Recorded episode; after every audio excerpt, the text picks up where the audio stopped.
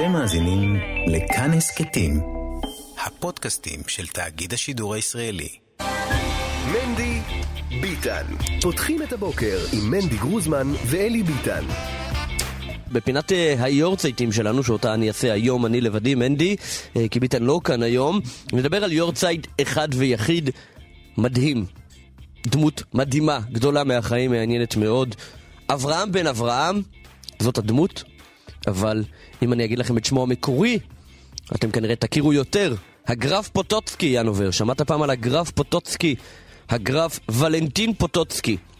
דמות uh, מאוד מאוד uh, מוכרת, uh, על פי המסורת, הוא היה בן למשפחת אצולה נוצרית בווילנה, באזורי וילנה, שהיה אז ליטא ופולין היו אז ממלכה אחת, ממלכת ליטא הגדולה, והוא uh, נולד uh, שם כוולנטין פוטוצקי באיחוד הפולני-ליטאי.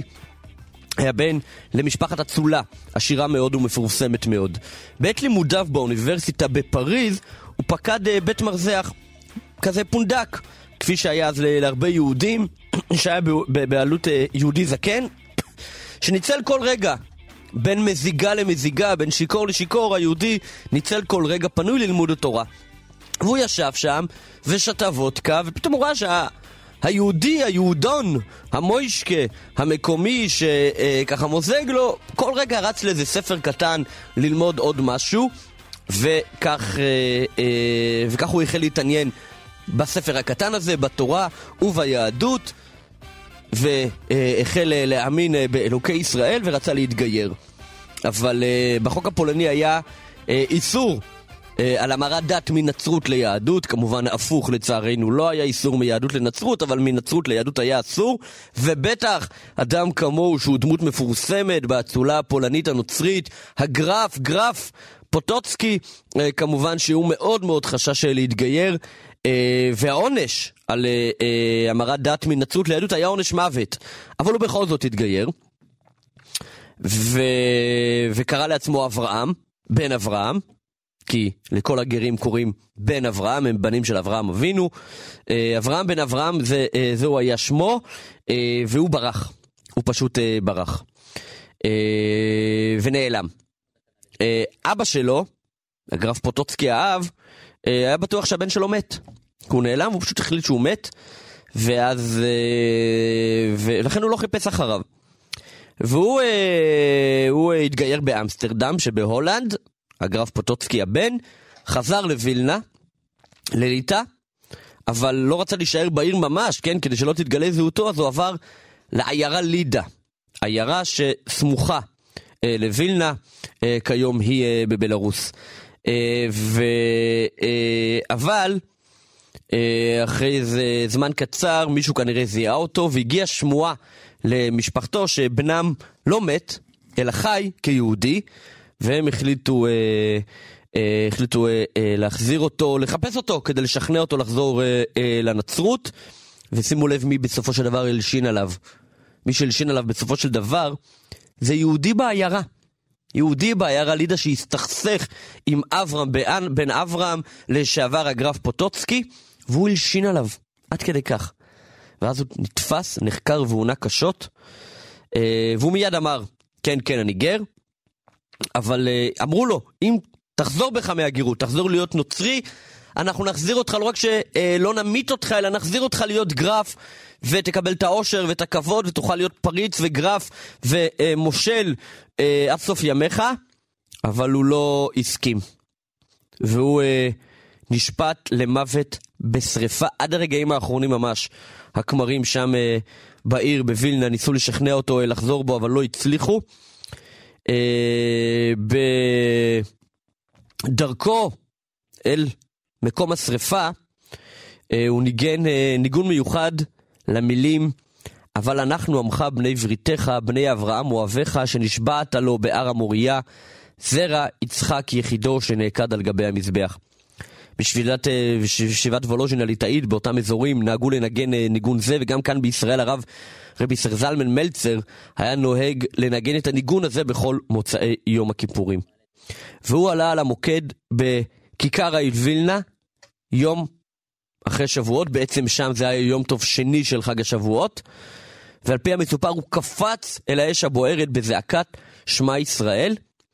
הכנסייה הנוצרית אסרה אפילו על קבורת האפר שלו, אבל לאחר שוחד שאחד מיהודי הקהילה נתן אה, לכנסייה הנוצרית, החזירו את חלק מהאפר שלו לקבורה בבית העלמין, וברבות הימים, הסיפור הזה היה בסוף המאה ה-17, ראשית המאה ה-18, ברבות הימים, הגאון מלווילנה ביקש להיקבר ליד מקום הטמנת האפר של אברהם בן אברהם, ולכן עד היום מקובל שקברו של הגאון מווילנה הוא בעצם גם קברו של הגרף פוטוצקי, מי שנולד כגרף פוטוצקי, ואז התגייר, קידש שם שמיים, והפך לאברהם בן אברהם.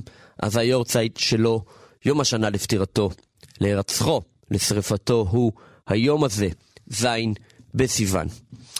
Uh, עד כאן uh, פינת היורצייטים, תשע ושבע עשרה דקות עכשיו. נתנאל ינובר עורך, דניאל פולק על התחקירים, מירה וקסלר על ההפקה, ניהול השידור ועירוי קנטן על הביצוע הטכני. אתם כותבים לנו ל-055-966-3991 ואנחנו ממשיכים. מנדי ביטן. פותחים את הבוקר עם מנדי גרוזמן ואלי ביטן. מיד יהיה איתנו הרב אה, הראשי אה, לישראל לשעבר, הרב ישראל מאיר לאו, אה, וכדי לחבר בין האייטמים, בין עדות דרעי לבין פטירתו של הרב אורי זוהר, נשמע קטע מתוך דיוני הוועדה, מהזמן שבו דרעי העיד בפני ועדת החקירה הממלכתית לחקר אסון מירון, ואז באמצע מעדכנים אותו אה, שהרב אורי זוהר, שהיה חברו הטוב, צריך לומר, אה, ובמשך אה, שנים גם שידרו יחד בערוצי הקודש דאז וכולי, אז בישרו לדרעי באמצע שהרב אורי זוהר נפטר, כך זה נשמע. רגע, כהשלמה לשאלות, כל עוד אנחנו נשארים בשטח, מבחינה זאת, אתה יודע משהו לומר לנו על חלקות 22 ו-70? אתה מכיר בכלל את המושגים האלה? אתה יודע משהו על זה? סליחה, אני חייב לשפוך משהו, זה אני מקבל הודעות. לא, לא, אין בעיה. אני מקבל הודעות אינסופיות, וזה יושב לי על הלב, נפטר הרב אורי זוהר. ברוך דיין האמת, ידידי הטוב, עשרות שנים. אתה יודע, לא ידעתי שהוא במצב של חולה בזה, אני ידעתי, ידעתי ש... שהוא הסכין, אבל לא ידעתי שהוא חולה ככה. אוי, טוב. מביעים את צערנו, מה עוד אנחנו יכולים לומר? ברוך דיין האמת. ברוך דיין האמת. האמת. טוב, סליחה שואל. לא, זה בסדר. נשאלתי אם אתה יודע משהו ספציפי. כן, כך אה, זה נשמע. אה, הרב אורי זוהר, אה, מי שהיה אושיית תרבות, יוצר, שחקן, דמות מאוד מאוד מוכרת בתרבות הישראלית, ואז בעיצומם של שנות ה-70 חצה את הקווים, אם אפשר לומר, חזר בתשובה, והפך לדמות בולטת אצלנו במגזר הדתי, התורני החרדי, אה, ופטירתו הכתה אה, בהלם, למרות אה, גילו הלא צעיר, פטירתו הכתה בהלם גם את הציבור הכללי שעדיין זוכר אותו למרות כל השנים הרבות שחלפו מאז שחזר בתשובה וכמובן גם את הציבור הדתי והחרדי, מי שהכיר אותו הוא ייבדל לחיים טובים, הרב ישראל מאיר לאו, שלום כבוד הרב. בוקר טוב ומבורך. איפה, איפה הכרתם? איפה התחיל הקשר? באזורים של תל אביב, במפגשים ארעיים פה ושם. אמנם קרובי משפחה שלו היו בשכנות לבית הכנסת שלי, וכשהוא היה מגיע אפילו לפעמים בשבת, בווספה, היה דואג להחנות את הווספה בקצה הרחוב, כדי לא לפגוע ברגשות קרוביו. היה מגיע לאותו בית, ומפעם לפעם התפתחו בינינו שיחות. הייתי פעם במפגש במעון, משהו שנקרא נווה אביבים, דבר כזה, מפגש עם חבר'ה לא דתיים ברובם, ובאו איתי לשאול אותו תשובות. ואורי היה מאוד אגרסיבי, מאוד ככה תקף, תקף. כי הזמן שאריק איינשטיין ישב בשקט ולא אמר מילה, הוא היה כל הזמן ככה על הסדר. ודיבר כמו אחד שמתריס, מתריס. אמרתי לו משפט אחד, ואז למעשה נוצר בינינו קשר. המשפט היה, תראה, אומרים לי שאתה מפיק סרטים, אני לא מבין בזה שום דבר. אני לא יודע לצלם אפילו במצלמה פשוטה, אין לי מצלמה. אם אני אבוא אליך לתת לך עצות, תעשה את הסרט במצלמה זו ולא במצלמה אחרת, יצחקו ממני בצדק, כי אני לא מבין בזה כלום. אני לא יודע כמה אתה מבין ביהדות, אני לא יודע כמה אתה למדת, אבל אתה כבר יודע לקבוע בענייני גיור, או בענייני גיטין, או בענייני שבת, או בכל מיני הלכות. מתי למדת, מתי קראת, מתי הבנת. ואנשים קצת הופתעו שאני כך אומר, והוא היה אייקול כזה, מי מעז להגיד לאורי, אתה לא מבין בזה. היה רגע אחד של שקט, ולשבחו ייאמר, שאז הוא פתאום, אה, כמו שהוא פתח את עיניו, אומר, אתה יודע מה? אתה צודק. אני באמת לא מבין בזה כלום, צריך ללמוד. הראה לי איזה משפט. את המשפט שסיפרתי לפני יומיים שלושה אחרי פטירתו, שמעתי מחיים טופול, חברו הטוב. וחיים היום זקוק לברכת רפואה שלמה, אמן. הוא חולה, בחור נהדר, וחיים חזר איתי פעם מפולין באיזו נסיעה שעשינו לכיוון של אושוויץ בחנוכת קטר רכבת שם. חזרנו יחד, ואז הייתה לנו הזדמנות במהלך של שלוש שעות טיסה לשאול אותו, תגיד לי, איך זה התחיל אצל אורי, כל המפנה הזה, מפנה אדיר? והוא אמר לי, תראה הרב, אורי היה אדם של מהפכים גדולים, היה אופנתי מאוד. הרבה פעמים החליף כל מיני רעיונות, כל מיני שיטות, נכנס למשהו ויצא ממשהו. לדוגמה, הייתה פעם מפ"ם, מפלגת הפועלים המאוחדת, מהכנסת הראשונה הרבה שנים עד שהתאחדה עם המערך, וכאשר אה, אורי היה חניך השומר הצעיר בנעוריו, הוא עבד בבחירות למפ"ם. עמד בכיכר דיסגוף, שהייתה אז הכיכר בתל אביב, לא הייתה כזאת כיכר מלכי ישראל, שהיא כיכר רבין היום, עמד על איזה מבצעית וצעק, הפעם, הפעם, הפעם, הפעם, כל הזמן, הפעם, הפעם, חרוז. זו הייתה שיטתו, ואחר כך הוא עזב את הפעם, הפעם, וחיפש משהו אחר. פתאום אני רואה אותו עם כיפה, מספר לי טופון. כשראיתי אותו עם כיפה עוד לפני הציציות, תפסתי אותו, ביד שמאל שמתי על, על כתפו, כי אהבתי אותו, ביד ימין הרמתי אצבע כלפי מעלה, ואמרתי לו, אורי, איתו אל תתחיל. עם הקדוש ברוך הוא, אתה מאמין, לא מאמין, מקיים, לא מקיים, איתו לא מתחילים. כי אם אתה תתחיל, אתה לא יכול מחר לסגת ולקפוץ החוצה, זה לא כזה פרוזדור להיכנס ולצאת. אל תתחיל איתו.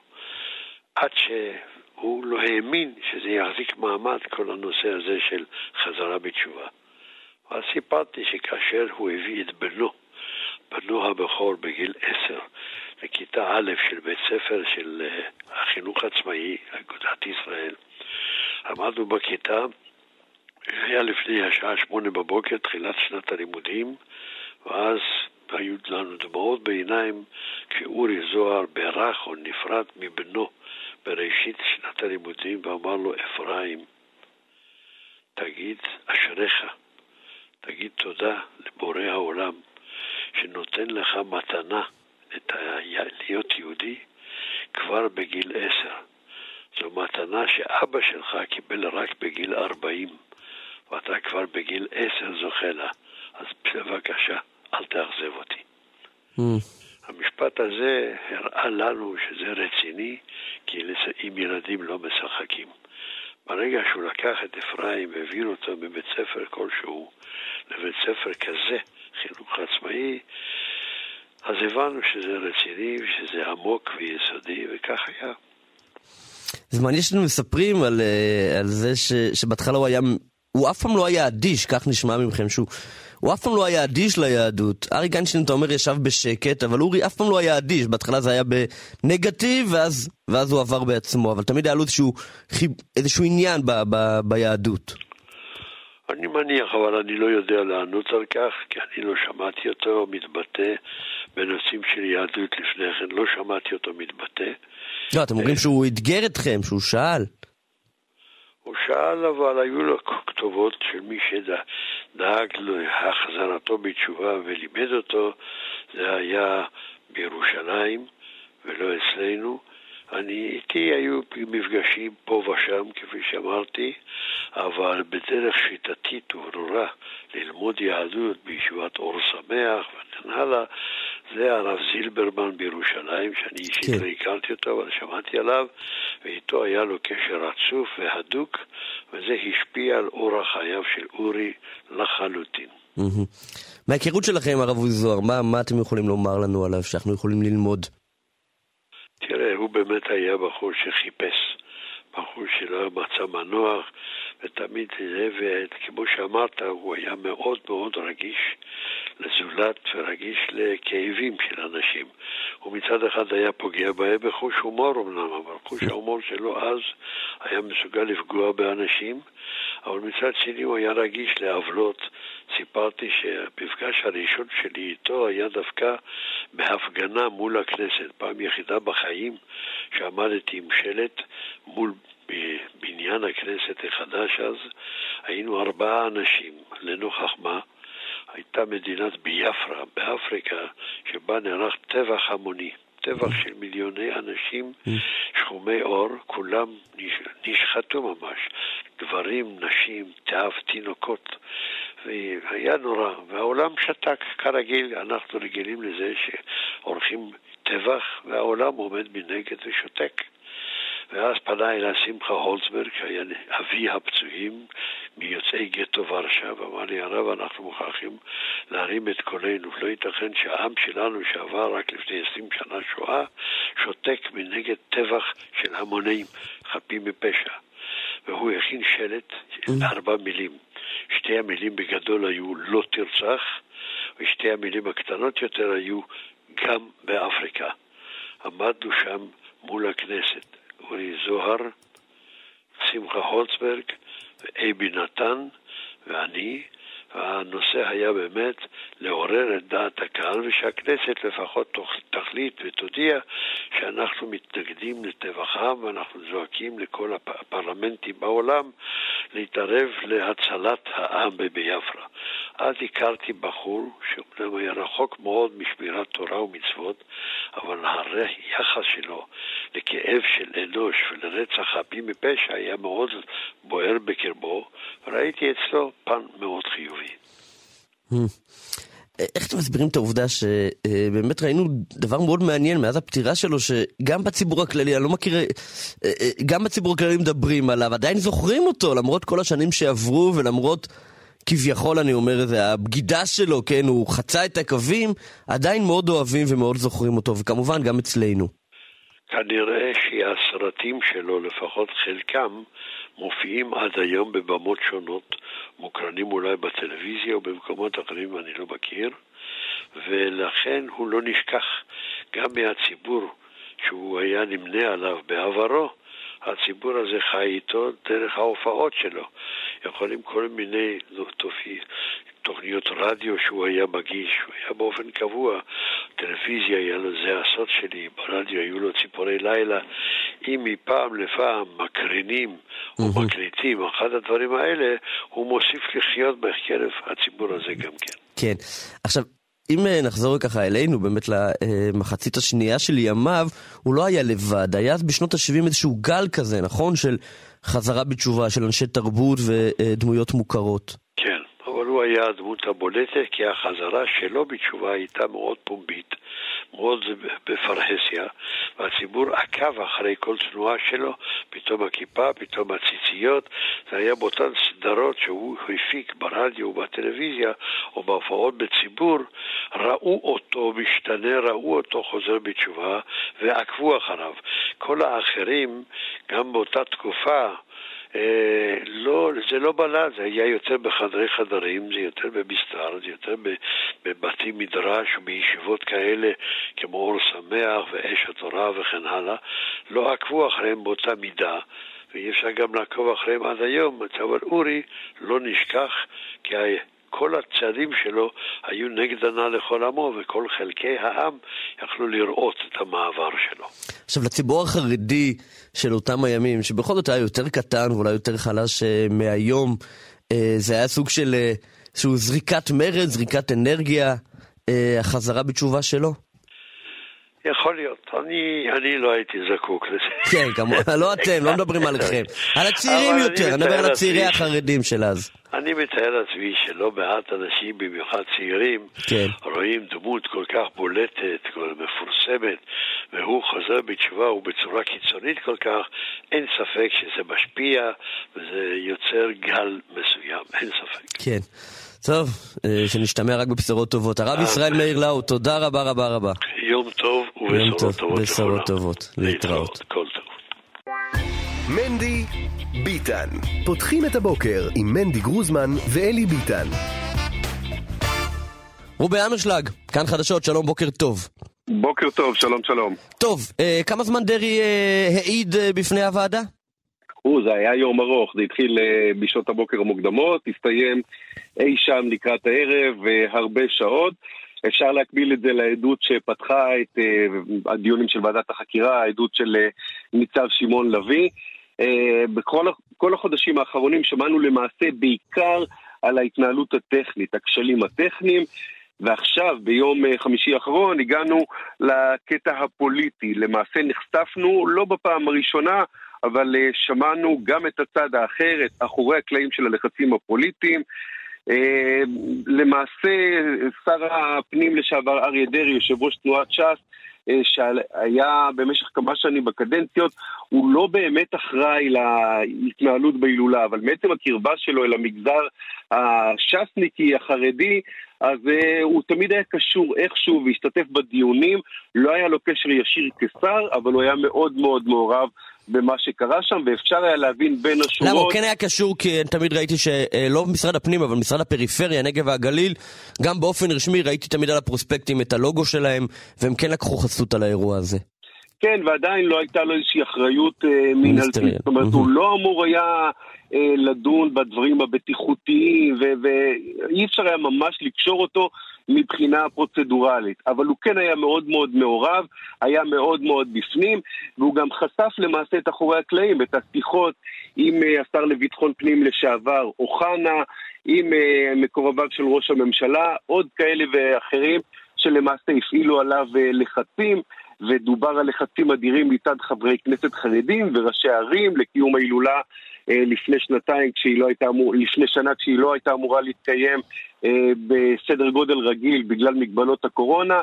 אה, כל זה בעצם נחשף פה ושם, חברי הוועדה מתחו עליו אה, ביקורת. הוא אמר, אני לא בא להתגונן או להציל את עצמי, אני איתכם, אבל ה, אחת הכותרות שיצאו משם זה ההתמודדות שלו עם ביקורת שהופנתה נגדו מצד מי שהעידו בחודשים האחרונים. הוא תקף את היועצת המשפטית של המשרד לשירותי דת שטענה נגדו שהוא השתלט על ניהול ההילולה ודחק הצידה את השר הממונה וגם חילק אישורי כניסה למקורבים כמו לדוגמה עומר אדם הוא הכחיש את זה מכל וכול, הדף את זה, אמר שזה שקר ובושה ולא היה, אה, לא היה ולא נברא. לתוך כל העדות שלו השתרבב גם המוות הטרגי של הרב אורי זוהר, אה, מקורבו של דרעי. בשלב מסוים הוא קיבל על כך הודעה, קולו נשבר, אה, והוא אה, שיתף את הוועדה בכך שנפל עליו אה, צער גדול עם מותו של מקורבו. השופטת הביעה אמפתיה, בשלב מסוים היא פנתה אל הצופים בבית וביקשה מהם לא לסמס לאריה דרעי תוך כדי העדות. עוד איזושהי מילה שקשורה ככה בעקיפין, בשבוע שעבר פנתה הוועדה גם אל הממונה השנה, אל צביקי טסלר שניהל את ההילולה השנה, ודרשה ממנו עד התשיעי בחודש להניח על שולחן הוועדה איזשהו סיכום ראשוני של מה קרה השנה הזאת. זאת אומרת, מנסים להפיק לקחים גם ממה שקרה עכשיו. היו הרבה מאוד כשלים גם השנה הזאת, למרות ניסיונות להכניס שיפורים, כך שתוך כדי תנועה יש גם ניסיון להפיק לקחים, להסיק מסקנות, ואפשר רק לקוות שבשנה הבאה ההילולה תראה הרבה הרבה יותר מסודרת. עכשיו, אה, דרעי אה, מצידו ניסה להטיל את האשמה על אחרים? לזרוק אחריות ואשמה על אחרים? אפשר היה להבין את זה בין השורות, לא היה משהו כזה באופן ישיר, אה, לא, הוא לא הטיח, לא העלה שמות אחרים ואמר הם אשמים ואני לא, אבל הוא כן גלגל את האחריות מעליו, וגם היה למי? די ברור. למי? אז שוב, זה לא היה משהו שמי, זה לא שהוא בא ואמר זה לא אני זה הוא. לא, אבל אה, לאיזה קבוצות? נגיד, הוא, הוא, ראיתי שהוא זרק מאוד דברים על חברי הכנסת האשכנזים או ראשי הערים אה, שניסו ללחוץ אה, בשביל האדמו"רים. אז זהו, הוא חשף בעצם את הלחצים האלה שהיו גם מצד לשכת ראש הממשלה וגם מצד אה, השר אוחנה, השר לשעבר לביטחון פנים, שחשף אותו אל לחצים ואמר לו, יש גם חברי כנסת חרדים וגם ראשי ערים חרדיות שמנסים אה, להפעיל לחץ כדי לקיים הילולה גדולה יותר מהמתווה שאמור היה להיות בשנה שעברה בגלל הקורונה. אה, אז אלה הלחצים מאחורי הקלעים. הוא לא אמר בלמתי את זה, הוא לא אמר הצלחתי להדוף את הלחצים האלה, הוא כן חשף אותנו אל ההתנהלות הזאת של מאחורי הקלעים, ואפשר להבין אה, משהו על ההתנהלות הזאת, על אה, סוג של ויתור לטובת הפוליטיקאים וכדי לרצות אנשים כן, על חשבון ב- בטיחות. באיזה הקשר הוא אמר את הלחצים? זאת אומרת, לחצים, אוקיי, אתה ממונה, או אמור להיות ממונה, או שמת, שמת את עצמך כממונה, למה לא הדפת את הלחצים? הוא הסביר משהו? לא, הוא לא... שוב, זה לא האחריות הישירה שלו להדוף כן. את הלחצים האלה. הוא היה בעצם שותף לדיונים, אבל הוא לא היה בעמדה של מקבל הח- החלטות. זאת אומרת, סוג של עמדה פריבילגית. אה, כשהוא רוצה הוא אחראי, כשהוא לא רוצה הוא לא אחראי. אה, זה גם אה, מתנגש עם העדות של היועצת המשפטית של המשרד לשירותי דת, שאמרה שהוא השתלט על, על אחריויות שלא היו אמורות להיות תחת שליטתו. והוא בעצם דחק את השר לשירותי דת הצידה. שוב, הוא הכחיש את הדברים האלה, אז הוא במין עמדה כזאת של אה, פריבילגיה, שכשהוא רוצה לנכס לעצמו מעמד, כוח, יוקרה ושליטה, אז הוא עושה את זה, כשזה לא נוח, אז הוא יכול להתנער מזה, ובעצם אף אחד לא יכול לבוא אליו בטענות, מכיוון שזו לא באמת אחריותו זהו, גם הישירה. הוא, הוא, הוא דיבר אה, גם על אה, השר, איזה שר לשירותי דת הוא דיבר? בשנה שעברה או בשנים הקודמות? בשנה שעברה, דובר על ההילולה בשנה שעברה, אה, השנה של האסון. אה, מי היה השר? אני לא זוכר. אף אחד לא אה, זוכר, אף אחד לא זוכר, נראה לי שזה מספר אה, יותר מכל מי באמת היה... מי באמת היה השר לשירותי דת. אה, זה מעניין, איך, איך בכל זאת היית מסכם את העדות שלו, נגיד ביחס לעדות של אמיר אוחנה? תראה, זו לא עדות דרמטית, זה לא הופך שום דבר אה, ממה ששמענו עד עכשיו. אפשר היה לראות את אה, חבר הוועדה, האלוף אה, בדימוס שלמה ינאי, מאמת אותו שוב ושוב עם אה, דברים, סוג של מטיח באשמות, אבל זה משהו שהוא עושה כמעט לכל אחד מהעדים שם. כל אחד הוא מוכיח אותו ומעמיד אותו על מקומו, והוא סוג של... הוא סוג של המקל בוועדה הזאת, בזמן שהאחרים, קרליץ. והשופטת יושבים ומאזינים או שואלים שאלות מדי פעם כדי להשיג עוד מידע, אז הוא סוג של אה, נוזף. אה, אה, לדוגמה, הוא אמר, אה, אה, החבר אה, ינאי, חבר הוועדה, קשה להתעלם מכך שהדרג המדינתי התעלם ממה שקורה במירון, הכנות שכולם ידעו עליהן, איך הגענו עד הלום. זאת אומרת, אין כאן באמת שאלה, אלא יותר איזושהי הטחת אשמה. זה דבר שחוזר על עצמו. אני לא חושב שדרעי יהיה אחד מאלה שיסומנו בתור אשמים בוועדה הזאת. אני לא חושב שהוועדה מחפשת את הראש שלו. זו הייתה עוד אחת מיני אה, ולמה? רבות בעיקר. בגלל הקשר המינהלי הרשמי? בוודאי, כי מבחינה מעשית, אז אה, שוב, כמו שאמרתי, אין לו באמת אחריות ישירה, למרות שהוא היה מאוד מאוד אה, נוכח וחלק אה, מרכזי מאוד בתהליך קבלת ההחלטות, אבל אתה יודע, לא באופן רשמי, לא עם כן. איזשהו מנדט ביד, כמו הרבה מאוד גורמים אחרים. זה מעניין שבסופו של דבר אמיר אוחנה יותר אחראי ישירות לעניין הזה מבחינה מינהלית, בעוד שבפועל ברור לכולם שאזורי דרעי, וגם יהדות התורה אגב, היו הרבה יותר מעורבים אה, בעניין כן, הזה. אבל זה חלק מה... זה חלק הפורמליזציה, כן. זה חלק מהכאוס שאפיין, ואולי ימשיך לאפיין את מירון, אה, שיש שם הרבה מאוד ידיים שבוחשות. השנה, כן. אני מזכיר, ניסו או מנסים סוף סוף להקים גוף אה, שינהל ויתכלל את כל הדבר הזה, וגם הוא, בפרק הזמן הקצר שהוקצב לו, לא ממש הצליח להעביר את ההילולה הזאת בשלום. רובי אמרשלג, מתי אגב אה, הוועדה אמורה להגיע למסקנות סופיות? יש לה עוד אה, כמה וכמה חודשים של אה, דיונים, אני מניח שעד שנקבל מסמך רשמי של מסקנות, ייקח לפחות חצי שנה, אם לא יותר מכך. רובי אמרשלג, כתב צפון, כאן חדשות. תודה, בוקר טוב. תודה.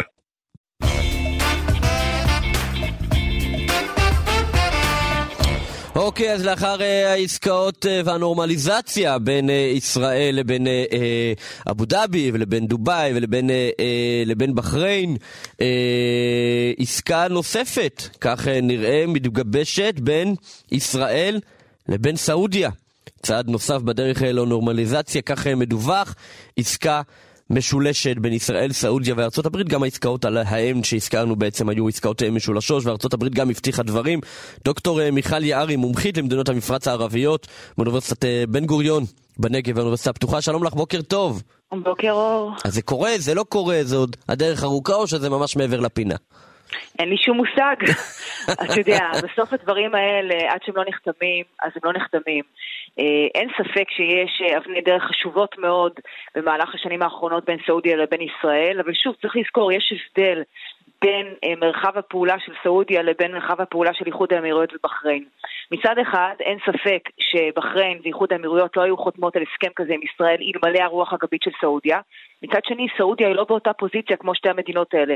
סעודיה היא, מדינה, היא, היא מנהיגת העולם הערבי, היא מנהיגת העולם המוסלמי הסוני, ולכן סביר להניח שהתביעות שלה מישראל הן כנראה יותר מורכבות ממה שאיחוד האמירויות הערביות ובחריין ציפו מישראל במסגרת ההסכם. אני לא יכולה להגיד לך כי אין לי מושג מה בעצם סעודיה רוצה, אבל כל התהליך הזה הוא יותר קשה לה, הוא יותר מורכב עבורה.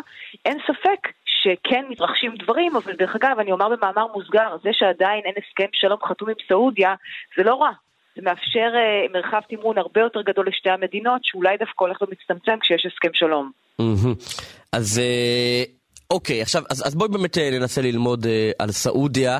את אומרת שהיא שונה מאיחוד האמירויות, זאת אומרת, היא כמנהיגת העולם הערבי הסוני, היא פחות תוכל להתעלם מהסכסוך הישראלי-פלסטיני ומהעניין הלאומי, ותצטרך, מה שנקרא, להציג איזשהו הישג גם בהקשר הזה?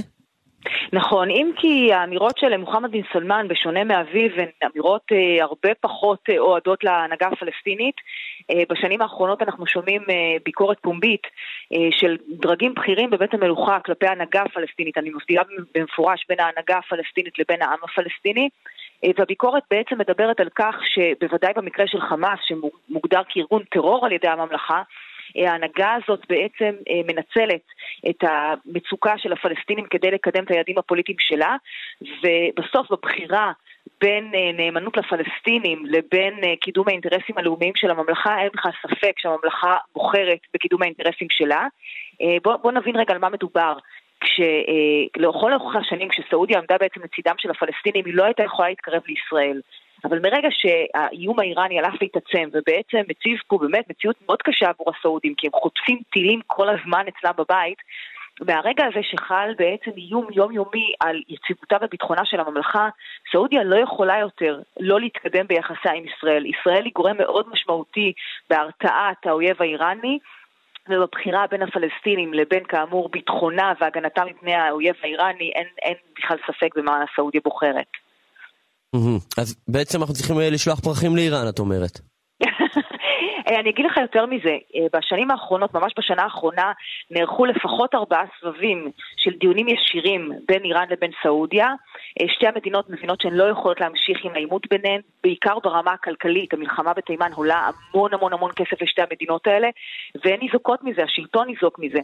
עכשיו השאלה איך זה ישפיע על ישראל, האם ברגע שיגיעו שתי המדינות האלה לאיזושהי הסכמה ביניהן, האם זה בעצם יוריד מרמת המוטיבציה של סעודיה להתקרב לישראל? להערכתי לא. למה? אה, אבל משום שיש לנו עוד רגליים נוספות שאפשר לבנות עליהן, למשל הרגל הכלכלית. Mm-hmm. סעודיה מסתכלת בהערכה רבה מאוד למודל הישראלי, מודל שבאמצעותו אה, מדינת ישראל בנתה, הפכה את עצמה לאומת הייטק באמצעות כוח האדם הצעיר שלה. סעודיה רוצה ליישם בדיוק את אותו מודל אצלה בבית, להתקדם אל עבר העידן שאחרי הנפט. היא מאוד מעריכה את הטכנולוגיה הישראלית, את הידע הישראלי, אה, שיתופי פעולה אזרחיים, שיתופי פעולה מדיניים, יש הרבה מאוד דברים שבהם אפשר אה, לקיים קשרים ישירים ומניבים אה, גם ללא האיום האיראני, אבל שוב, צריך לזכור, ביחסים בין ישראל למדינות ערב, תמיד, תמיד, תמיד, האויב המשותף הוא הבסיס הגדול והרחב ביותר לשיתוף פעולה בין המדינות. כן, עכשיו, את אומרת שסעודיה היא מנהיגת העולם אה, הסוני, איראן היא כמובן שיעית, זה לא אה, פשוט אה, מחלק את אה, שטחי השליטה ביניהם באופן שייתר את המלחמה? זאת אומרת, על מה המלחמה? לכאורה אתם תנהיגו את, את הסונים, אתם את השיעים, איפה הם נתקלים זה בזה? תראה, זה נורא תלוי במנהיגות בשתי המדינות. אה, היו תקופות, גם באיראן וגם בסעודיה, שהייתה מדיניות, מד, מדינאות פרגמטית, מדינאות שהבינה שמלחמה בין שתי המדינות מזיקה להן, ולכן הסיפור או העימות הדתי היה בצד. זה היה בתקופת השאה, זה היה בתקופת רפסנג'אני באיראן. אה, אז בתקופות האלה בעצם סעודיה ואיראן קיימו ביניהם אה, שכנות טובה, שקטה, ברגע שהגיעו מנהיגים בצד האיראני שרצו להלהיט את הרוחות, שרצו בעצם להעמיק את העימות בין שתי המדינות, פתאום הסיפור הדתי אה, אה, ניצב בחזית. אז אה, שוב, אני מאוד מקווה שההנהגה אה, באיראן, שהיום נתקלת באמת בהפגנות קשות מאוד, תבין שזה לא לטובתה להמשיך אה, את העימות עם סעודיה, ובעיקר להשתמש בדת כמרכיב בעימות, כי בסוף זה חוזר אליה חזרה. אה, וצריך לזכור, ההתפשטות האיראנית היא לא במדינות שיעיות, היא במדינות ערביות. Mm-hmm. מדינות ערביות שיש בהן גם כמובן ציבור שיעי, אבל בסוף אלה מדינות ערביות, שבחלק מהמדינות האלה יש אה, רוב אה, אה, סוני. כך שלמשל כמו בסוריה, בסוריה היא מדינה שיש בה רוב סוני, מיעוט שיעי. אה, וגם שם, כאמור, דריסת הרגל של איראן היא מאוד גדולה. אז הסיפור הוא קצת יותר מורכב, ואם יהיה לנו זמן, פעם נדבר על זה בהרחבה. אוקיי, עכשיו בואי, אה, אם וכאשר היא תהפוך לידידתנו, בואי אה, נלמד עליה קצת. סעודיה, מדינה דתית מאוד כמובן, באופן רשמי גם, זאת מדינה... שומרת שני המקומות הקדושים ביותר לאסלאם, מקום מדינה. כן, לא, אבל מעבר לזה, גם באופן חוקי, זאת אומרת, הדת היא, היא מערכת החוק גם, נכון? נכון, יש שם את חוקי השריעה, אם כי שוב צריך להפריד בין התקופה שלפני בואו של מוחמד בן סלמן לתקופה שבעצם בתקופת שלטונו. אחד הדברים הראשונים שהוא עושה זה להפחית מאוד את הסמכויות ואת היקף ההשפעה של הממסד הדתי, מתוך הבנה שההשפעה הזאת אה, הולכת ומזיקה לסעודיה, אה, ובעצם היום אנחנו רואים מדינה שמנסה לייצר אסלאם פרגמטי, אסלאם שהרבה יותר מתקשר עם המערב, מתקשר עם דתות אחרות, מאוד שונה ממה שהכרנו בשנים הקודמות בסעודיה. Mm-hmm. אה, ומה מעמד הנשים שם? אז שוב, זה אחד התוצרים. ברגע שמוחמד בן סלמן הבין שהממסד הדתי דיכא והשליט באמת יד קשה מאוד כלפי הנשים, וזה הזיק גם לנשים, אבל כמובן גם למדינה ולשליט, הוא משנה את מעמדן, הוא נותן להם הרבה יותר זכויות, הן משתלבות היום בשוק העבודה, הן יכולות לעשות דברים שבעבר הם היו רק בגדר חלום, אה, וגם יש פה סיבות פרגמטיות. אה, ברגע שהממסד הדתי בעצם אסר, לא באופן חוקי, אבל אסר על נשים לצאת מחוץ לבית ולעבוד, המשמעות הייתה ש-50% מכוח האדם הפוטנציאלי פשוט לא עובד. מגיע מוחמד בן סלמן ואומר אי אפשר להמשיך להנהיג ככה כלכלה, בטח בעידן שאחרי הנפט. הוא מאפשר לנשים לצאת לעבוד, והיום הם כוח מאוד מאוד משמעותי בכלכלה הסעודית, ובעיקר בתנופה של הכלכלה הסעודית לעבר כלכלה מודרנית, מתוחכמת, אה, וזה באמת אחד ההישגים הגדולים ביותר שלו. עכשיו, מוחמד סלמן שאת מזכירה שוב ושוב, הוא בנו, הוא נסיך כיום, זאת אומרת, הוא בנו של המלך, נכון? הוא יורש העצר, נכון. זאת הפעם הראשונה בהיסטוריה של סעודיה שיורש העצר הוא הבן של המלך. אה, בדרך כלל זה חצי בן, זה קרוב משפחה, במקרה הזה זה ממש יחסים של אב ובן. אבל אבא שלו עוד חי. אבל נכון. עדיין השליטה, זאת אומרת, הוא כבר האציל אה, סמכויות עוד בחייו? אבא שלו במצב רפואי אה, לא טוב, כך הוא גם נכנס לתפקידו, הוא בן 87, הוא כבר הרבה שנים אה, לא בקו הבריאות, ומהרגע הראשון בעצם שהוא מינה את בנו היה ברור שמי שיתפקד בפועל כמנהיג זה מוחמד בן סלמן. דרך אגב, זו תופעה מאוד פופולרית בסעודיה, היו לא מעט יורשי עצר שתפקדו כמלכים עוד לפני שהם היו באופן פורמלי מלכים. עכשיו, הבחור צעיר מאוד, בן 36. נכון, אה, הוא נכנס לתפקידו בגיל 29. יותר מבוגר בשנתיים ממני, איפה אני ואיפה הוא? בגיל של בר רפאלי, אה, הוא בן אדם אה, שצריך להגיד משהו בשונה באופן מוחלט, בשונה מכל יורשי העצר הקודמים, שבאמת התמנו בגיל הרבה יותר מבוגר לתפקיד שלהם, הוא מגיע חסר ניסיון. הניסיון היחיד שבעצם יש לו זה להיות העוזר הפוליטי של אבא שלו כשהיה מושל ריאד. מעבר לזה הוא לא עשה שום דבר. אה, יש לזה לא מעט חסרונות, וגם הביקורת מופנית בדיוק לנקודה הזו. אה, לא מעט מההחלטות שלו הוא מקבל בצורה שאולי אנשים שקולים ומנוסים יותר לא היו מקבלים, כמו המלחמה בתימן, כמו רצח אותו עיתונאי סעודי, אה, אבל מצד שני הוא גם איש עם הרבה מאוד חזון והרבה מאוד מוטיבציה לשנות את הממלכה בצורה הנכונה והראויה. איש מורכב מאוד, מצד כן. אחד רוצח אכזר, מצד שני רפורמטור גדול.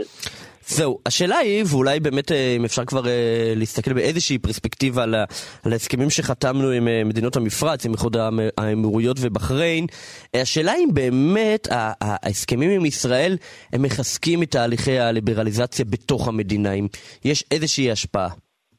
תראה, בסוף יש פה מצב אבסורדי, כי הנרטיב במשך 50 שנה היה נגד ישראל. כל כן. צרה של העולם הערבי בעצם הופנתה כלפי ישראל. עד שיום אחד העולם הערבי מתעורר ומבין שצריך את ישראל, וגם ישראל כן. מאוד צריכה את העולם הערבי. ואז צריך לשנות את הנרטיב. אה, היתרון הגדול הוא שהיום הצעירים האלה חיים ברשתות החברתיות, ואז הם לא מוזנים רק מסוג תקשורת אחד, אלא הם מוזנים מהרבה מאוד אינפורמציות שמראות את ישראל בצד אה, קצת שונה ואחר. וככה הם בעצם יכולים ללמוד עלינו, הם יכולים להגיע לישראל, הם יכולים לפגוש אותנו בכל מיני טיולים בחו"ל, אז האינפורמציה היא אחרת ממה שהייתה פעם, אבל אין ספק שלשנות שנאה כלפי מדינה זה תהליך מאוד ארוך, מאוד מורכב, וצריך לעשות אותו כמה שיותר מהר, כי באמת ההסכמים הם מעבר לפינה, ואנחנו מקווים מאוד שזה יקרה בקרוב. כן, ועדיין לא היינו רוצים להיות, אה, לחיות שם, עם כל התהליכים הללו. לא, הייתי רוצה לחיות במדינה דמוקרטית ליברלית, אה, לא, לא הייתי רוצה לחיות בסעודיה. כן. אם כי האזרחים הסעודים, לפחות אלה שאני מכירה, ויש לא מעט כאלה, הם אנשים נפלאים. כן. דוקטור אה, מיכל יערי, מומחית למדינות המפרץ, אוניברסיטת בן גוריון והאוניברסיטה הפתוחה, תודה רבה רבה. תודה לכם, יום טוב, ביי ביי. יום טוב. מנדי ביטן. פותחים את הבוקר עם מנדי גרוזמן ואלי ביטן. הופה! יפה, אבי הילסון, זמר חתונות מאוד מאוד פופולרי, שחוזר לעבוד עכשיו. הוא על הקו? אה, הוא על הקו! אבי, שלום, בוקר בוקר טוב. אבי הילסון. בוקר אור. נגמרה ההפסקה, מה שנקרא. כן, האמת היא שהחזרה לעבודה ולהופעות היא כבר בל"ג בעומר, רק בל"ג בעומר השינוי היחיד הוא זה שמל"ג בעומר עד שבועות זה רק חתונות של ספרדים, כן. והאשכנזים מתחילים להתחתן משבועות, זהו. אבל אנחנו כבר, אה, התחום כבר בתוכו, זהו, כולם אתם. כבר עובדים. יפה. אה, טוב, אז אה, מה עשית בחופש? אה, וואו. האמת היא שזו תקופה כזאת שאתה יודע, כל שנה מחדש אתה צריך את הניקוי ראש אחרי העונה של החורף. השנה במיוחד היה שנה מעוברת, היה לנו חורף מאוד מאוד ארוך של אירועים כן. וחתונות. ואני האמת שאיזה חודש וחצי לא הייתי בארץ פשוט, אה. אתה יודע, ניקוי ראש. גם עבודה, גם קצת אה, לטייל. אבל אה, אתה יודע, זה הטענת מצברים, כי התחום הזה הוא באמת משהו ששואב ממך הרבה הרבה אנרגיות פיזיות ונפשיות. אבל אתה יודע, כשאתה אוהב את זה, אתה עד הסוף בתוכו. זהו, התגעגעת ככה לעמוד על במה ולהרקיד? וואו, אין לך מושג כמה. כל, כל שנה מחדש, אני כבר 11 שנים אה, זמר. כל, אחד, כל שנה מחדש אתה מסיים את העונה ואתה אומר, וואי, אני לא יכול לראות יותר מיקרופון, לא יכול לראות במות. עובר שבועיים ואתה מתחיל לגרד את הקירות ואתה... זה, תשמע, זה משהו שהוא... בדמך. ככה, זה, כן, אי אפשר, אי אפשר לברוח. אפשר. אני חייב לשאול אותך, אה, זמר חתונות, זה כל ערב, זה לא, זה אפילו לא הופעה, אתה יודע שיש איזו סטריליזציה בין אה, הופעה גדולה, בין במה לבין הקהל. אתה יודע, אני, זמר חתונות זה במה שסמוכה לכל החבורת הבחורים המזיעה והתוססת הזאת. כל שנייה מישהו משגע אותך עם איזה שיר אחר ורוצה לשיר ורוצה... תגיד כל ערב, ואם יש יום שאתה בבאסה, איך אתה עושה את העבודה שלך? איך אתה עולה ומתחיל. לשמוח? אתה יודע, זו השאלה השאלתית ששואלים, כן. מה, איך אתה כל יום יכול להיות שמח?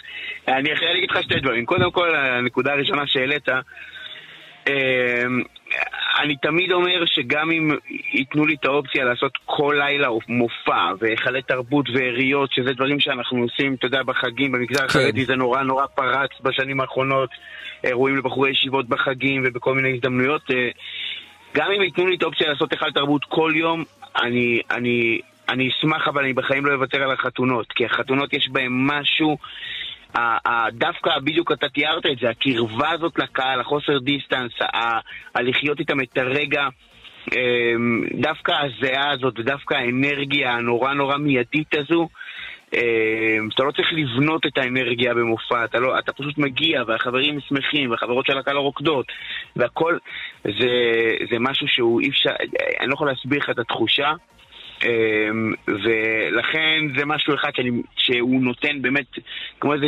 מחזור דם בגוף, אז זה כל לילה מחדש, אתה נכנס לזה, אתה אוטומטית בתוך זה ואני אגיד לך, למזלי, יש זמרים שאמרו לי, תשמע, חכה, בגיל 50 אתה תראה אני לא יודע, אני לא הגעתי לשם ולא רוצה לחשוב על זה. אני, ברוך השם, נמצא במצב שתשמע, כל יום אני מגיע וכיף לי, ואני מרגיש שאני עושה את המשהו שאני אוהב, מרגיש שאני נוגע, אבל נוגע יש ימים בקהל של באסה. מה אתה עושה? נותן לעצמך סטירה לא, ואומר אין מה לעשות? יש את הימים של באסה, נכון, אבל אתה... אבל זה משהו שהוא כמו... איך אני אסביר לך את זה? יש בן אדם שהוא הוא כמו בהיי, אתה כן. מבין? אי אפשר להסביר את זה, אני, זה לא באמת משהו, זה לא תחושה שאני יכול להעביר לך אותה אה, שכלית, בדיבורים. כן, כן. תחושה נפשית כזאת ש, שאתה נכנס אליה בין אם אתה רוצה בין אם לא. אמ, וזה המזל, כי כן. אתה יודע, על זה אני אומר תודה כל בוקר, כאילו על, על המזל הזה לעבוד במשהו שהוא ממלא אותי, אה, והוא לא, לא מונע רק מצרכים אה, אחרים, אלא גם מהצורך הכי בסיסי של ה... יודע, לנגוע באושר, אתה מבין? כן. עכשיו, איך, איך אתה, אתה יודע, צריך לזהות את הקהל? טוב, בטח גם יש אה, ידע מוקדם, כן? החתן, הכלה, המשפחה מבקשים סגנון מסוים, אבל עדיין, אתה יודע, אצלנו במגזר יש כל כך הרבה וריאציות. יש חסידי, יש חסידי, אז בוא אני אפתיע יש אותך. פום, יש לא כל כך פום, יש קצת אותך. מודרני, קצת ספרדי. א- איך משלבים כל הניואנסים אפתיע אותך, האלה? תראה, תראה, תראה, היום הרבה מהאומנים במגזר החרדי הם מיוצגים במשרדים, ויש מנהל ומנהל אישי, כן. ואני יכול להגיד לך שעד שאני לא מגיע לאולם, אין לי מושג מה השם משפחה אפילו, ברמה וואלה. הזו. אוקיי?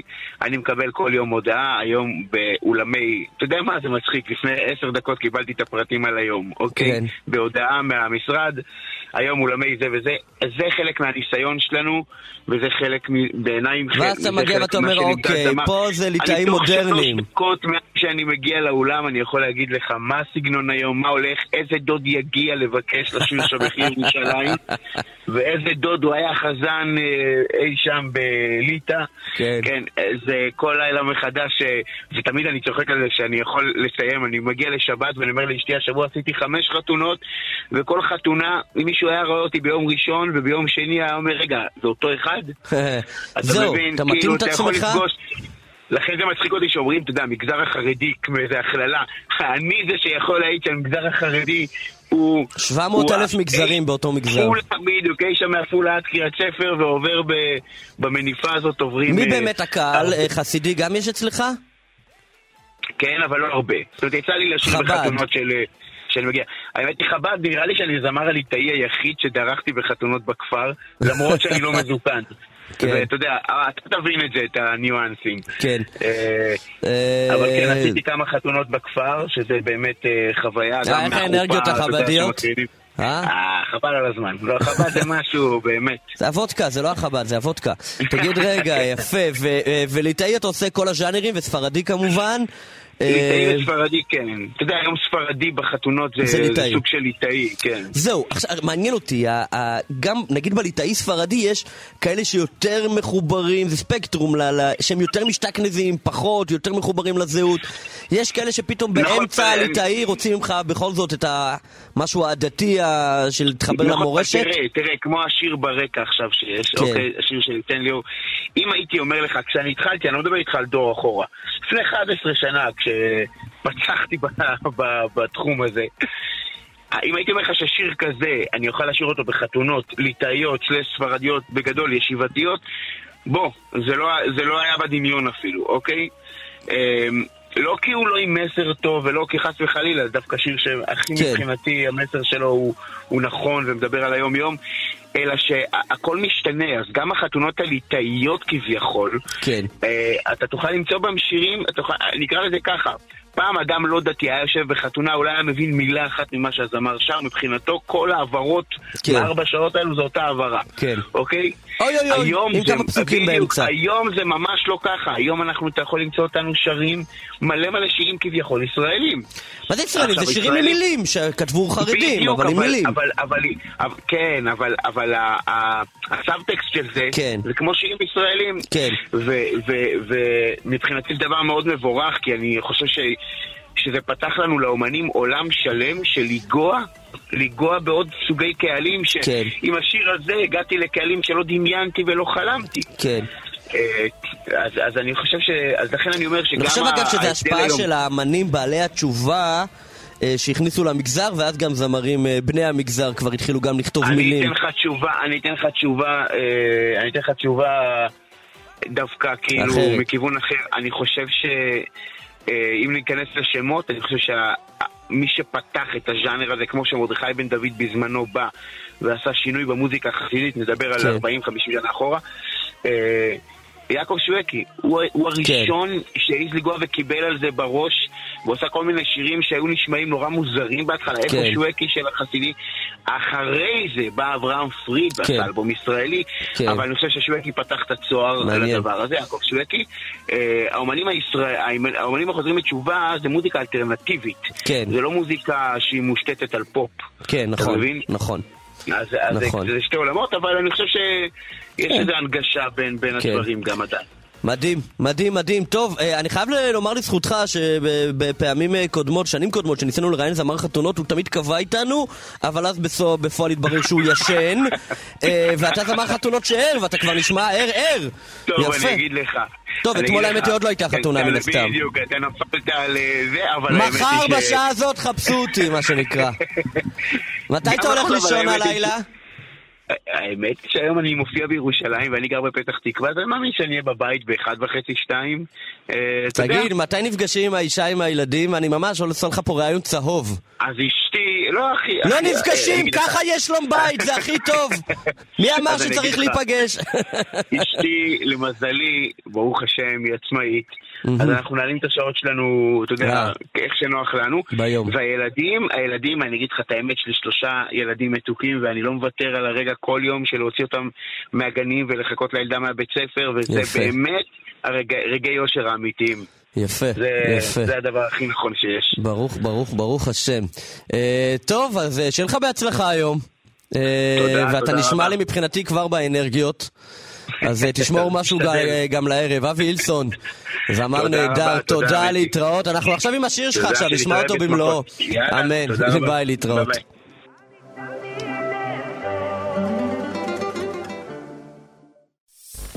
אתם מאזינים לכאן הסכתים, הפודקאסטים של תאגיד השידור הישראלי.